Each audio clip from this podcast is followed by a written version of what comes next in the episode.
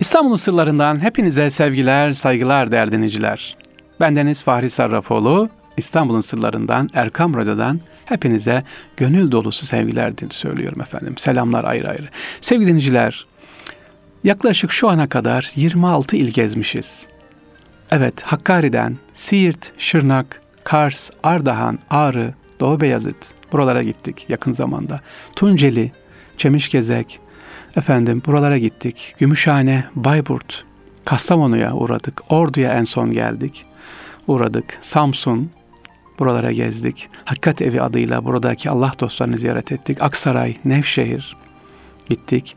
İnşallah Ramazan'dan sonra yine bu Anadolu gezilerimiz devam edecek. Bingöl, Muş, Bitlis bunları unutmuyorum. Buradaki kardeşlerimizle birebir dokunarak görüştük. Ve hepsine neyi anlatıyoruz? Özellikle e, efendim bu İstanbul'daki o güzel tasavvufun yaşanabilir, yaşanmış olan tasavvufun özünü anlatmaya çalıştık Anadolu'da.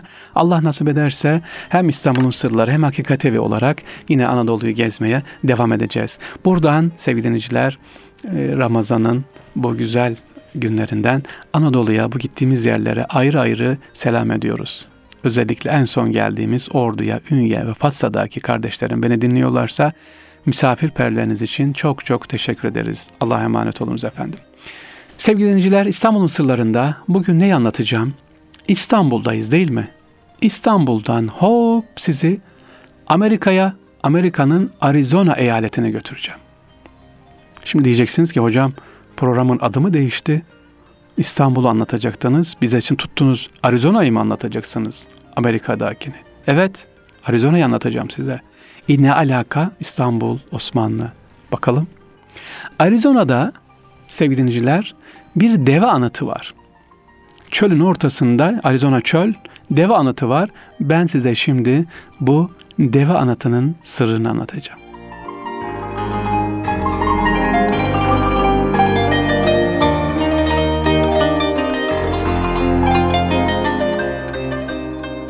Değerli dinleyiciler, Amerika Birleşik Devletleri'nin Arizona eyaletinde bugün bile görebileceğiniz bir anıt var. Küçük bir piramidin üzerine oturtulmuş bakır bir deveden oluşan anıt bugün Arizona'daki efendim bir mezarlığın girişinde en sık ziyaret edilen yerlerden biri. Quartzsite diyorlar mezarlığa. Quartzsite mezarlığı. Bu anıtın aslında ilginç bir hikayesi var. Evet, İstanbul'dan başlayıp Arizona'da sona eren Hacı Ali'nin hikayesidir bu. Her sene 10 Ocak'ta Hacı Ali ya da Hay Joli adıyla kabrinin civarında yerel bir festival de düzenleniyor. Hatta Hay Joli isminde bir Osmanlı vatandaşının Amerika'nın güneybatısındaki macera anlatan bir halk şarkısı da var. İşte İstanbul'un sırlarında ben bunu anlatacağım. İstanbul'dan giden altı devenin hikayesi ve Hacı Ali. İstanbul'un sırlarındasınız. Bendeniz Fahri Sarrafoğlu. Şimdi İstanbul, Arizona anlatıyorum efendim.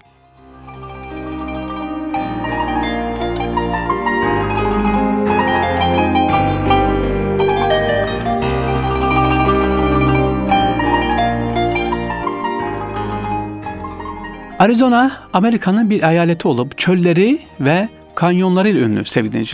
Arizona'nın en önemli coğrafik özelliği elbette Büyük Kanyonu. Arizona Amerika'nın yüz ölçümü açısından işte 295 kilometre ile 6. büyük eyaleti. 1856 yılında Amerikan ordusu güneydeki teçhizatı taşımak için bir deve birliği kurmaya karar verir. 1856 yılında. Çölü geçmek için güçlü ve dayanıklı bir hayvan olarak bilinen deveden e, alası bulunamaz değil mi? Lakin o tarihte Amerika'da hiç deve yok. Kongrenin kararı ve makul bütçe ile Amerikalı yetkililer Babı Ali ile irtibata geçer. Yani İstanbul'la irtibata geçer. Dönemin padişahı Sultan Abdülmecit Amerikalılara en iyi cinsten altı deve hediye edilmesini buyurur. Abdülmecit devenin bedelini bizzat kendisi ödüyor. E, develerle birlikte çoban da gider Amerika'ya. Amerikalı organizatör e, Parter hükümete yazdığı bir raporda bakın şöyle diyor. Yarın yola çıkıyoruz.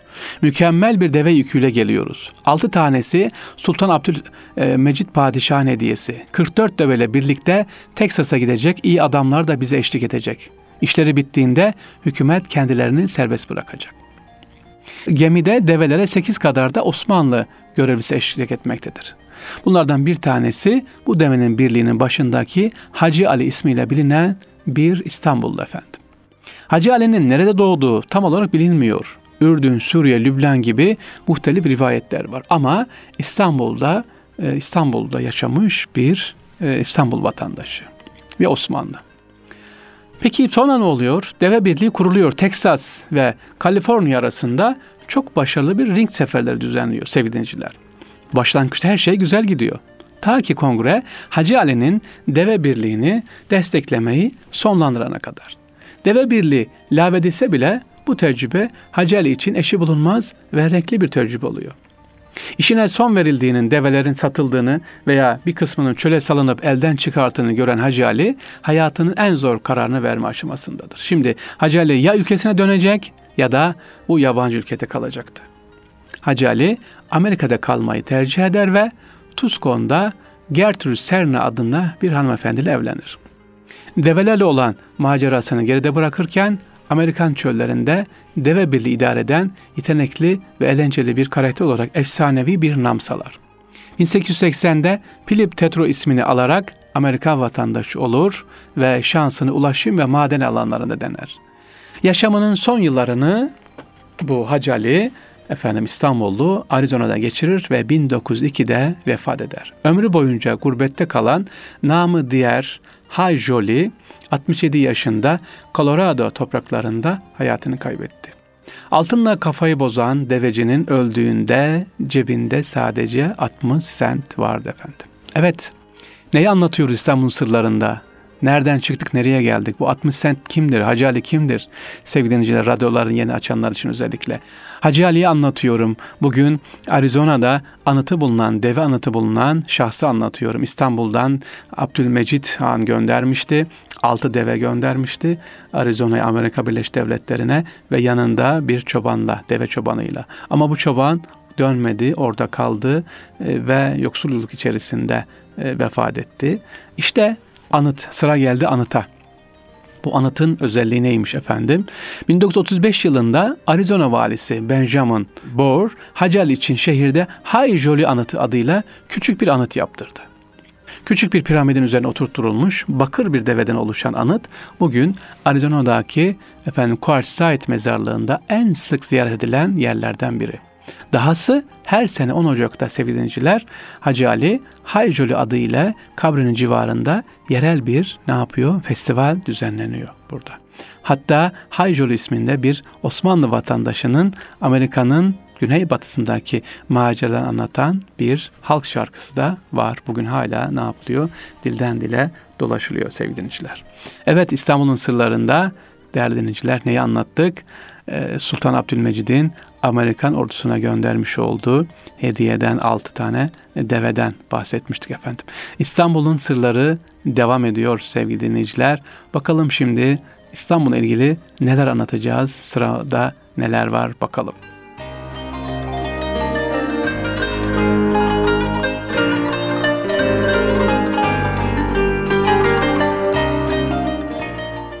Değerli dinleyiciler, İstanbul'un sırlarında Ramazan ayındayız. Geçtiğimiz hafta anlatmıştım Mahya geleneği demiştim. Sorular var. Şimdi onun yere gelmişken geniş bir şekilde devam edelim. Mahya hiçbir İslam ülkesinde olmayan güzel bir gelenek. Şimdi bendeniz Fas, Tunus gittim oraları gördüm. Suriye, Lübnan oralarda sadece ışıklandırma var. Yani camiler ışıklandırıyor ama bir yazı şeklinde mahya görmedim. Şimdilerde var mı bilmiyorum gidenler varsa ama Osmanlı ülkesi içerisinde o dönemde özellikle İstanbul'da sevgili dinleyiciler mahya çok önemliydi. İstanbul'da bulunan tüm Selatin yani padişahlar tarafından yapılan camilerde Osmanlı'dan tevarüs mahya geleneği var. İlk kandil Koca Mustafa Paşa'da Sümbül Efendi Camisi'ne yakıldığı kaynaklarımızda belirtiliyor. Mahya ilk olarak da 1600'lü yıllarda 1. Ahmet döneminde başlıyor sevgili dinleyiciler. E, hiçbir İslam ülkesinde yoktur bu.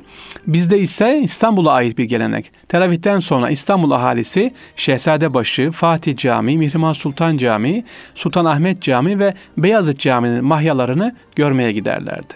Bu mahyalar bazen her gün değişirdi.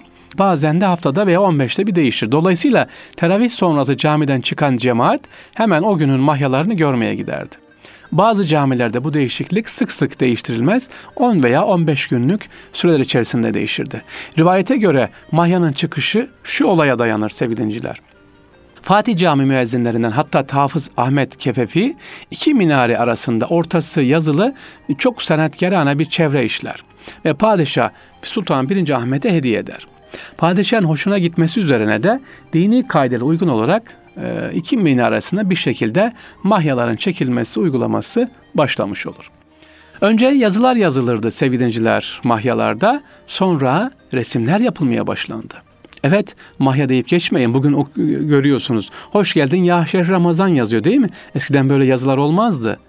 Gemi resmi olurdu. Hareket ediyormuş gibi rüzgar vurdukça.